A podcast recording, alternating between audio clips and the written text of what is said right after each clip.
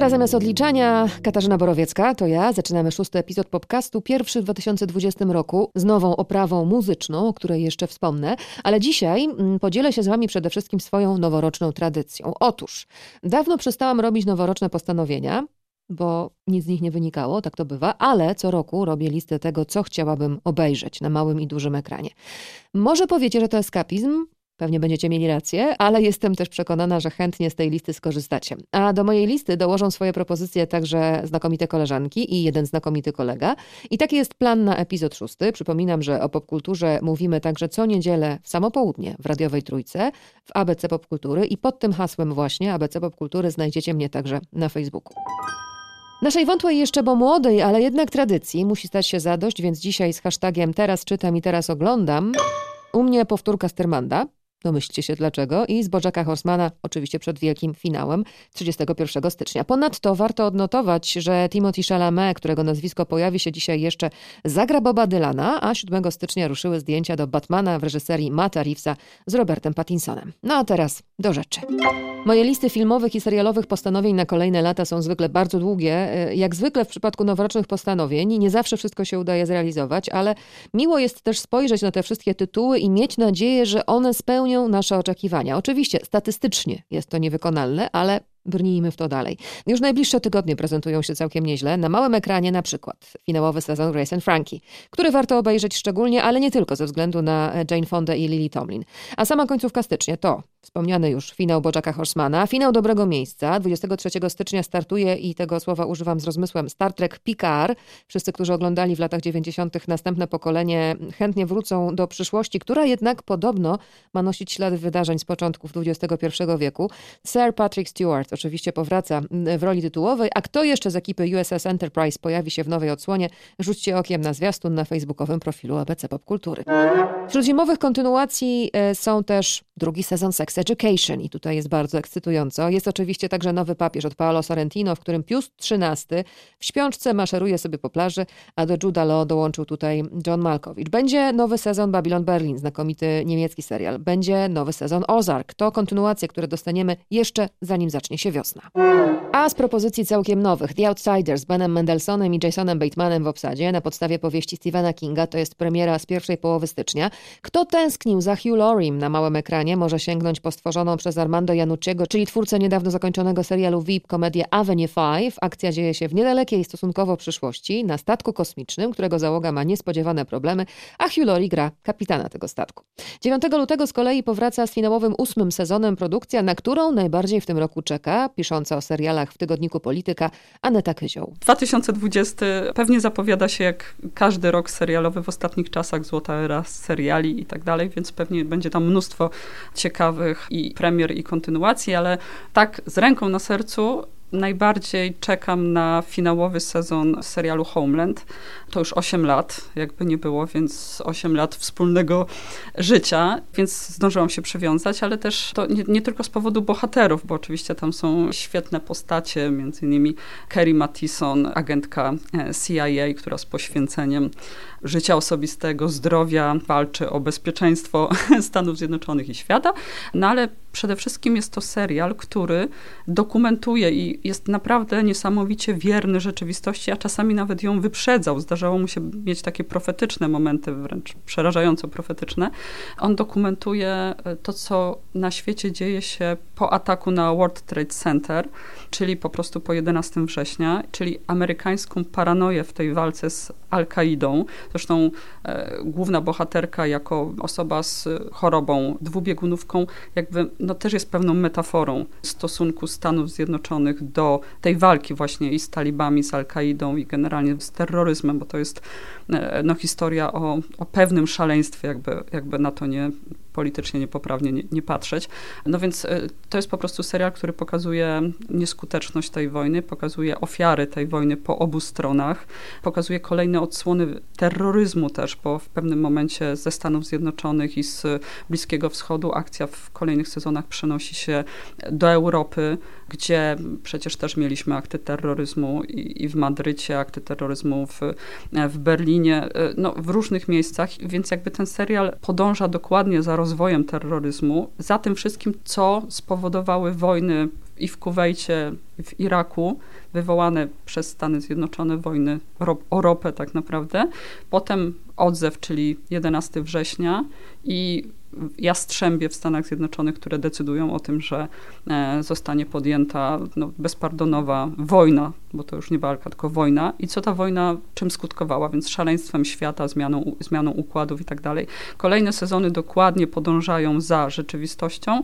W ostatnim, finałowym sezonie, który będzie w lutym, akcja wraca tak jak w czwartym sezonie toczyła się w Afganistanie, więc wracamy. Tak jak Stany Zjednoczone chcą opuścić teraz Afganistan, Trump zadecydował niedawno o tym, że właśnie e, gro żołnierzy amerykańskich pozostawi jakby Afganistan e, samemu sobie. No więc tutaj znów mamy akcję serialu trzymającą się rzeczywistości. E, mają być negocjacje z talibami amerykańskie. Kerry Mattison znów ma w tym uczestniczyć. Mamy obejrzeć jakiś rodzaj nie tylko finału serialu, ale jakiś rodzaj też finału tej wojny rozpętanej z terroryzmem. Zobaczymy, no pewnie będzie to gorzki finał, pewnie nie będzie to w ogóle finał, bo trudno sobie wyobrazić, że nagle wszyscy mówimy, cały świat mówi, ok, to już kończymy. Pewnie tak nie będzie. Nie spodziewam się happy endu. E, z trudem będę się żegnać e, z, właśnie z e, Kerry Mattison, z, z Solem Berensonem i z, z wszystkimi, którzy przeżyli do ósmego sezonu. No ale myślę, że jest to jeden z takich najważniejszych seriali pokazujących nam tak naprawdę mm, całą pierwszą dekadę XXI wieku, który przecież miał być taki wspaniały, a nie był. Jak wiemy, życie skutecznie walczy ze scenarzystami o laur za najbardziej zaskakujące i niepokojące historie. Aneta Kyzioł polecała serial Homeland. I jeszcze słowo o Fargo, bo to też e, serial, który powraca z czwartym sezonem. W rolach głównych zobaczymy Timothy'ego Olifanta i Chrisa Rocka, lata 50., Kansas City, rywalizujące ze sobą grupy przestępcze. Ja jestem wielką fanką tego, co robi w telewizji Noah Hawley, a podobno ta odsłona, e, sam Noah Hawley, czyli showrunner, tak twierdzi, ma przerosnąć wszystko, co do tej pory wydarzyło się w poprzednich sezonach, a że umie zaskakiwać i przechodzić samego siebie, udowodnił Noah Hawley chociażby w Legionie. Zostając przy kontynuacjach, taką także produkcję poleca Małgorzata Steciak, dziennikarka filmowa i filmoznawczyni. Chyba najbardziej czekam na drugi sezon Genialnej Przyjaciółki. To jest kolej serial, który mnie zachwycił w ubiegłym roku. Bardzo mi było przykro, że, że nie, nie, produkcja się tutaj nie wyrobiła na 2019. Wiem, że to będzie na wiosnę. Miałam też przyjemność być na planie tego serialu jako fanka książek. Chodziliśmy tam, zresztą oglądaliśmy te wszystkie gadżety i, i dostawaliśmy po prostu ataków historycznego śmiechu i zachwytu. No jest to też taka rzecz bardzo ciekawa, oparta na książkach Eleny Ferrante. E, grają to e, dziewczyny, które są no właściwie naturszczykami. To, to kreacje też niesamowicie dojrzałe bardzo czekam, trzymam kciuki. No i to, to jest chyba mój, jedna rzecz, bo wiadomo, że czeka się na wiele, ale ta jest taka najbardziej. Mnie też w serialu Genialna Przyjaciółka ujmuje neapolitańska odmiana włoskiego. Nie znamy jeszcze dokładnej daty premiery, podobnie jak z trzecim sezonem Sukcesji, który dostaniemy w tym roku. Po Złotych Globach myślę, że, że więcej osób zwróci uwagę na ten serial. Trwają też intensywne prace nad trzecim sezonem serialu Dark, co widać na profilu e, instagramowym reżysera. Trwają też zdjęcia do czwartego sezonu mojego ulubionego francuskiego polskiego smakołyku, gdzie jest mój agent. Bohaterowie tego serialu to są pracownicy paryskiej agencji aktorskiej i ich podopieczni, czyli gwiazdy. Każdy odcinek ma tak zwane wielkie nazwisko, które gra jakąś wersję samej siebie, bardziej lub mniej komiczną. Byli już Juliette Binoche, Monika Bellucci, Isabelle Huppert czy Fabrice Lucchini, a w czwartej serii mają się ponoć pojawić jako gwiazdy Charlotte Gainsbourg, Pierre Ninet i Sigourney Weaver. Jeśli jeszcze nie zrobiliście sobie przyjemności obejrzenia tego serialu, to apeluję do waszego rozsądku, nie opierajcie się dłużej. High Fidelity, powieść Nika Hornbiego po polsku tytuł brzmiał Wierność w stereo i ta powieść znakomita miała już bardzo udaną ekranizację z Johnem Cusackiem w roli głównej, a w lutym dostaniemy przepisaną na kobiecą główną bohaterkę serialową wersję tej opowieści z Zoe Kravitz na pierwszym planie. Ta bohaterka też ma na imię Rob, też jest właścicielką sklepu płytowego i też po zerwaniu układa pierwszą piątkę najbardziej bolesnych rozstań. Kolejny tytuł, Hunters z Alem Pacino. To już przyciągnąć powinno nas przed ekran. Ten serial przenosi nas w lata 70., kiedy grupa śledcza kierowana przez byłego więźnia Auschwitz, tu właśnie Al Pacino w tej roli, poluje na ukrywających się wciąż tu i ówdzie nazistów. Premiera 21 lutego. Kolejny tytuł z nowości, Spisek przeciwko Ameryce, to z kolei serial na podstawie powieści Filipa Rota. Historia alternatywna, świat, w którym to Charles Lindbergh wygrywa wybory prezydenckie w Stanach w 1940 roku i nawiązuje serdeczne stosunki z Adolfem Hitlerem, a jego rząd z dnia na dzień wciela w życie mordercze pomysły rodem z faszystowskich Niemiec, głównie dotyczące tzw. Tak kwestii żydowskiej. Gdyby nazwisko Rota nie było wystarczającym argumentem za, to dodam jeszcze, że za produkcję tego serialu odpowiada twórca chociażby The Wire, czyli Prawa ulicy, David Simon, a na ekranie zobaczymy Winona Ryder, Zoe Kazan i Johna Turturro. No i ciekawa też jestem bardzo serialu na podstawie znakomitej powieści Sally Rooney Normalni Ludzie. Książka po polsku ukazuje się pod koniec lutego, a za serial odpowiadają twórca Franka i Pokoju Leny Abrahamson od strony reżyserskiej i producencka ekipa Faworyty. Radar mam też ustawiony nieustająco na Phoebe Waller-Bridge, która jest producentką kreatywną i wystąpi w serialu Run. To jest komediowy thriller, w którym pojawią się także Merit Weaver i Domna Gleeson, a reżyseruje ten serial współtwórczyni Fleabag Vicky Jones. Mam nadzieję, że notujecie, bo ja nie będę powtarzać. No jeszcze są wątki polskie oczywiście. W tym roku premiera serialu The Eddie, serial Damiena Chazelle z Joanną Kulik w jednej z głównych ról, w którym Joanna także fantastycznie jak to Joanna śpiewa. Podupadający jazzowy klub w sercu Paryża, amerykański pianista, świetna obsada, świetna muzyka. Data premiery nie została jeszcze ogłoszona, ale The Eddie. Pamiętajcie o tym tytule. A co z polskich produkcji wywołuje ekscytację? Mówi Kaja Szafrańska, współtwórczyni kanału Jakby Nie Patrzeć. Czekam na Króla na podstawie prozy Szczepana Twardocha. Nie wiem dlaczego, ale sporo sobie po tym serialu obiecuję. Mam wrażenie, że na polskim serialowym rynku była spora wyrwa przez ostatni rok. Niewiele się działo. W 2018 roku mieliśmy genialne Ślepnąc od świateł, serial, który wykraczał poza te gatunki, do których się w Polsce przyzwyczailiśmy. Natomiast 2019 był taki, no powiedziałabym, mało odkrywczy pod tym względem. Dlatego gdzieś tam w duchu czuję, że potrzebujemy czegoś świeżego, czegoś nowego, czegoś oryginalnego, być może też z dużym budżetem i Król Mam nadzieję, się tak zapowiada. Króla reżyseruje Jan P. Matuszyński, czyli twórca m.in. Ostatniej Rodziny, a na ekranie w roli głównej Michał Żurawski, a obok niego także m.in. Magdalena Boczarska i Arkadiusz Jakubik. I ja też, muszę przyznać, jestem bardzo tej produkcji ciekawa. I bardzo jestem też ciekawa, jakie będą losy dwóch produkcji zapowiedzianych wstępnie w ubiegłym roku. Wciąż wiemy o nich bardzo niewiele, a chodzi mi o serialową wersję Bandytów Czasu, w pracy nad którą siły mieli połączyć Terry Gilliam i Taika Waititi. Pomyślcie tylko, co to za tandem to jest coś niesamowitego, drużyna z kosmosu. I serial na podstawie Sandmana, nad którym pracuje sam Neil Gaiman. Tak tylko przypominam, że coś takiego ma powstać. Szukajcie informacji. Ja też zobowiązuję się, że szukać będę. Jak coś znajdę, to was poinformuję. A teraz zmieniamy format ekranu.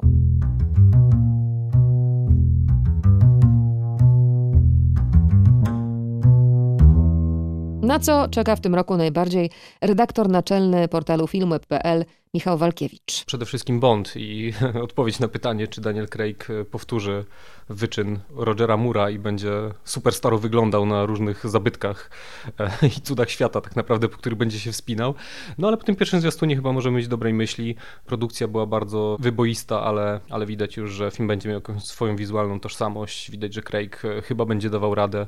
Ktoś tam wjeżdża motorem po pionowej ścianie, co, co bardzo dobrze rokuje. Pewnie nie jest to Daniel Craig i pewnie jest to komputerowe, ale wyglądało to na zwiastunie super.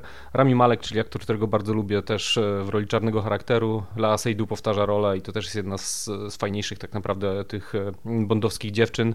No i Kary Fukunaga za kamerą. Każdy, kto widział pierwszy sezon Detektywa wie, że to jest po prostu firma i prawdopodobnie to będzie film na, e, na dość wysokim poziomie, nawet jeśli nie będzie najlepszym Bondem w historii.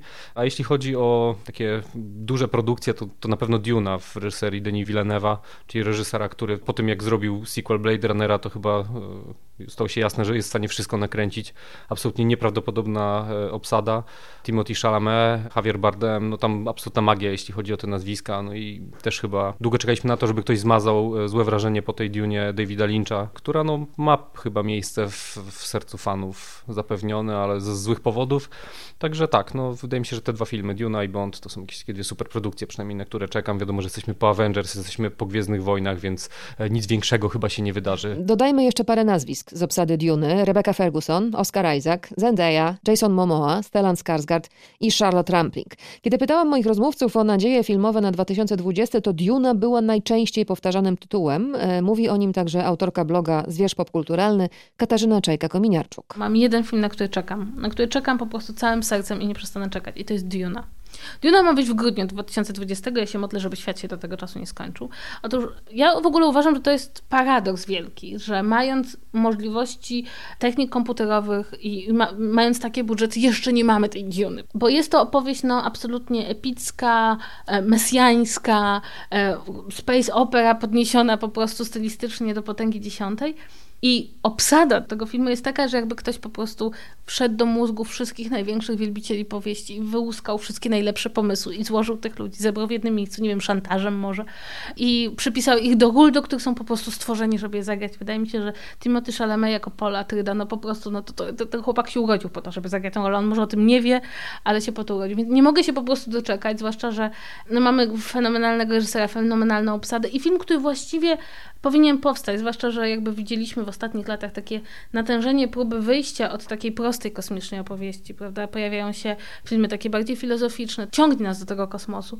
No i wydaje mi się, że tutaj ekranizacja Herberta będzie doskonałym takim zwieńczeniem tego trendu, więc mam dokładnie rok czekania jeszcze, ale mam nadzieję, że w grudniu 2020 świat się nie skończy, to A, a B, że będę zadowolona siedziała w kinie. Bond, Nie czas umierać i Duna, te tytuły już padły. Kolejne wymieni publicystka popkulturowa i edukatorka filmowa Kaja Klimek. Weszłam wczoraj na taką listę, gdzie y, było 100 filmów, na które najbardziej czekamy, więc wreszcie sobie pomyślałam, o wow, kino światowe, ale były tam takie nazwiska, zacznę od tych mniej oczywistych, typu Leo Carax, Nowy film Leosa Caraxa nas czeka, typu Kogo Nada, e, który jest moim ukochanym twórcą wideoesejów i teraz robi swój e, nowy film.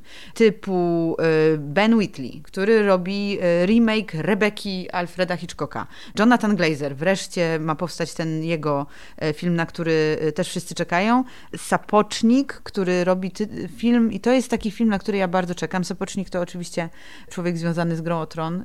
Robi film pod tytułem chyba roboczym, albo nawet już pewnym BIOS, który opowiada o tym, że człowiek przygotowuje e, robota, który zajmie się jego psem, bo to jest postapokaliptyczna historia i to jest jakby już sam ten koncept, że buduję robota, żeby ktoś zajął się moim psem, kiedy ja odejdę, jest tak dobry. No myślę, że to może być bardzo ciekawy film. Więc to są takie mniej oczywiste trochę tytuły, a z tych e, takich, które myślę, że tutaj się zgadzamy, no to dwa słowa. Tenet i Duna. No to to nowy film Christophera Nolana i długo oczekiwana e, Duna e, Denisa Villeneuve'a, no to, to są e, absolutnie te dwa filmy, na które chyba cały świat czeka. To był właśnie Tenet był na pierwszym miejscu tego zestawienia, z którym miałam do czynienia. No a poza tym jakby też jest spełnienie naszych, Kasiu, odwiecznych marzeń, bo mamy i Mulan, Wonder Woman, Birds of Prey, czyli y, historię y, Harley Quinn i film o Czarnej Wdowie, więc jakby tutaj już jest y, prawie ręka się kończy, żeby policzyć filmy o bohaterkach. Będzie też Niewidzialny Człowiek z Elizabeth Moss, czyli to też mamy na tej nucie powiedzmy konceptowej, że tak powiem. Y, no czekam też na Bonda, czekam na film o Mavericku, Stop Gun, no przepraszam, jakby nie da się nie czekać na, na ten film. Więc jest cała długa lista rzeczy, właściwie się, mam wrażenie, wrażenie, jak tak sobie, y, o, jeszcze nowy film Taiki Waititiego z y, Michaelem Fassbenderem. Miejmy nadzieję, że to jest jakiś jego wielki powrót do formy, bo on niestety nie miał za dużo szczęścia. Także to jest coś, y, co też tutaj się na tej liście pojawia, mojej własnej. I tak jak czytam sobie te rzeczy, to większe w tym jest oczekiwanie i taki entuzjazm i taka ekscytacja, niż przyznam szczerze przed tym rokiem, bo nie miałam aż tak wiele tytułów, na które co najmniej bardzo bym czekała, no bo te, co wymieniłam, a jest ich naście, to są filmy, które no wow, jakby to też nie jest cała ta lista. Szykuje się e, interesujący rok, e, skok w lata 20. Myślę, będzie e, fajnym doświadczeniem. Zatrzymałyśmy się na moment w tej rozmowie przy filmie Christophera Nolana, o którym bardzo długo nie było wiadomo nawet, że powstaje. Sam, sam fakt, że on też zatrudnia Roberta Pattinsona, który naprawdę wyrasta na jednego z ciekawszych aktorów w ostatnich latach. I to jest taka wspaniała historia o nim zresztą i o Kristen Stewart, która też się niesamowicie rozwinęła jako aktorka, tam Seberg nie jest u mnie na żadnej liście niczego, ale jej rola jest bardzo interesująca w tym filmie. się nie pojawi, to ona się broni. Właściwie tak. w każdym złym filmie ona się jest w stanie tak. wybronić. To jest e, historia emancypacji pewnej Kristen tak, Stewart. Tak, to, to prawda, coś w tym jest.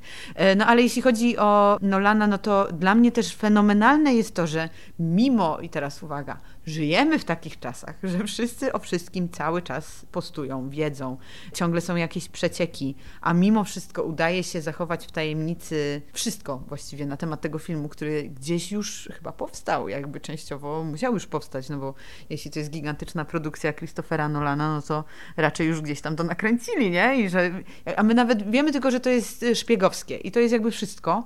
To jest prawdziwa magia kina. Właściwie kiedyś magią kina było dowiadywać się i wiedzieć, teraz magia kina się kryje w tym takim właśnie prawdziwie niemożliwym dzisiaj oczekiwaniu na coś, o czym nie mamy zielonego pojęcia i to jest fantastyczne, że to jest możliwe jeszcze. Więc to podbija stawkę i to jest absolutnie Tenet, Tenet, Tenet. Obok Roberta Pattinsona w filmie Tenet zobaczymy Johna Davida Washingtona, Elizabeth Dembicki, Kenneta Branaga i Michaela Kane'a. A ten nowy film Laosa Karaksa, o którym wspominała Kaja Klimek, to Annette, pierwszy anglojęzyczny mm, film e, Karaksa, pierwszy od czasu Holly Motors z 2012 roku. I to jest musical z Marion Cotillard w roli gwiazdy opery i Adamem Driverem grającym komika, który tę gwiazdę poślubia. A o filmie usłyszeliśmy więcej, kiedy podczas zdjęć w Brukseli zgubił się pies Losa Karaksa i Adam Driver pomagał go szukać przez swoje media społecznościowe. A skoro jesteśmy przy musicalach, to garść tytułów ode mnie. Przede wszystkim West Side Story. W grudniu dostaniemy nową, etnicznie adekwatną wersję tej perły Broadwayu. Od samego Stevena Spielberga Ansel Elgort gra Tonego, Rachel Zegler, debiutantka, która nadesłała najlepszą taśmę na casting w roli Marii, a ta taśma e, Rachel to była piosenka Shallow, znana wam zapewne doskonale skądinąd. E, przy West Side Story współpracował także Lin-Manuel Miranda, coraz jaśniej świecąca gwiazda nie tylko musicalu, twórca hitu Broadwayu, czyli Hamiltona. Lin-Manuel Miranda przygotowuje też filmową wersję swojej pierwszej broadwayowskiej produkcji, In the Heights. Przygotowuje ją już od dekady. Nastąpiły w tej produkcji pewne opóźnienia, ale dostaniemy ją w końcu pod koniec czerwca. I sporo też muzyki zapewne będzie w filmowej biografii Arety Franklin Respect z Jennifer Hudson, która już zrzuciła kocie futerko w roli głównej. I to film, który sama Aretha Franklin zdążyła pobłogosławić. Grają też Forrest Whitaker i Mary J. Blige.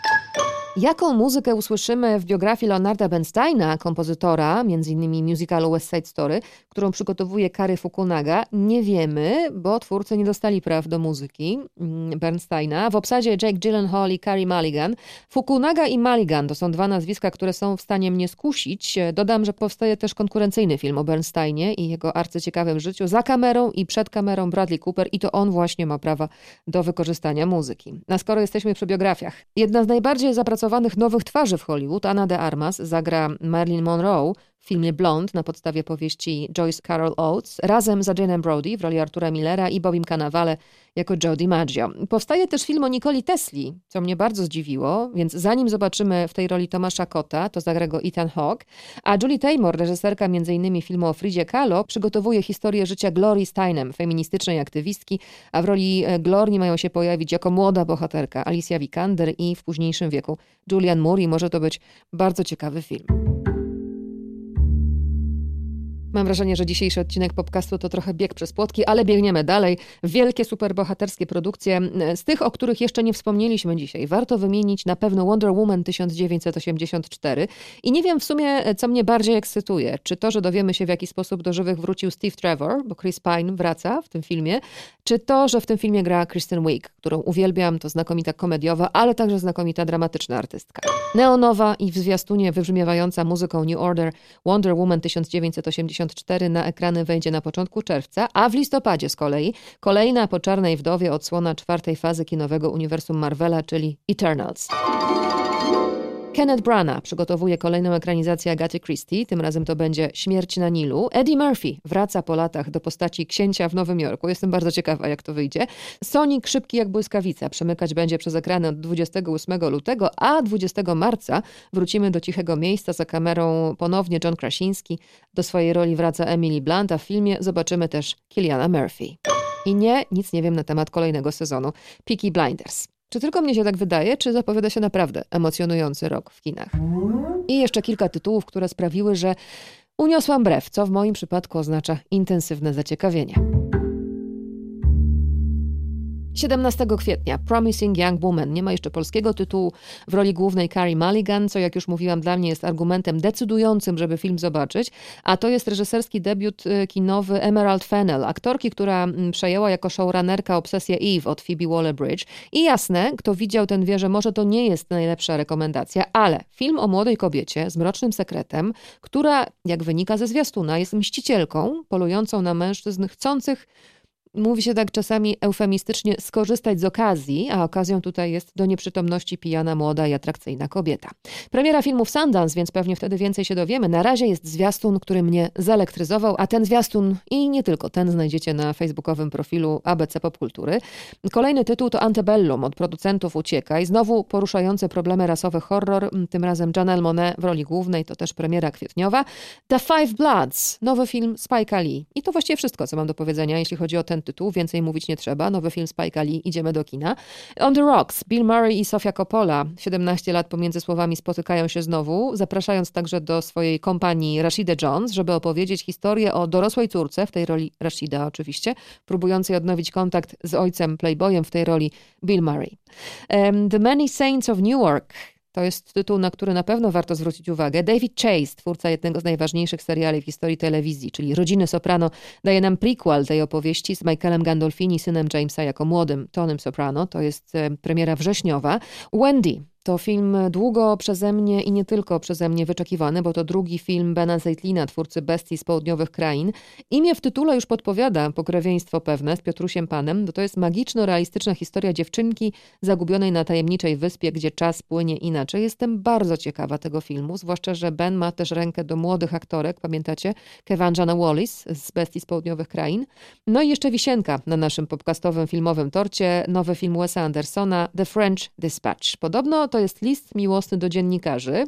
Jestem bardzo ciekawa. Osadzony w fikcyjnym francuskim mieście. Obsada, jak zwykle u Andersona, gwiazdorska Frances McDormand, Bill Murray, Timothy Chalamet, Benicio del Toro, Jeffrey Wright, Lea Seydoux, Tilda Swinton, Willem Dafoe, Saoirse Ronan, Kate Winslet, Elizabeth Moss oraz oczywiście trójka przyjaciół Owen Wilson, Adrian Brody i Jason Schwartzman. Ja więcej pytań nie mam, czekam na ten bibelocik, a przy okazji do czasu, kiedy dowiemy się w ogóle, kiedy będzie premiera, bo wiemy, że to będzie ten rok, ale nie wiemy dokładnie kiedy, zrobię sobie powtórkę z filmografii Wesa Andersona, co i wam zalecam.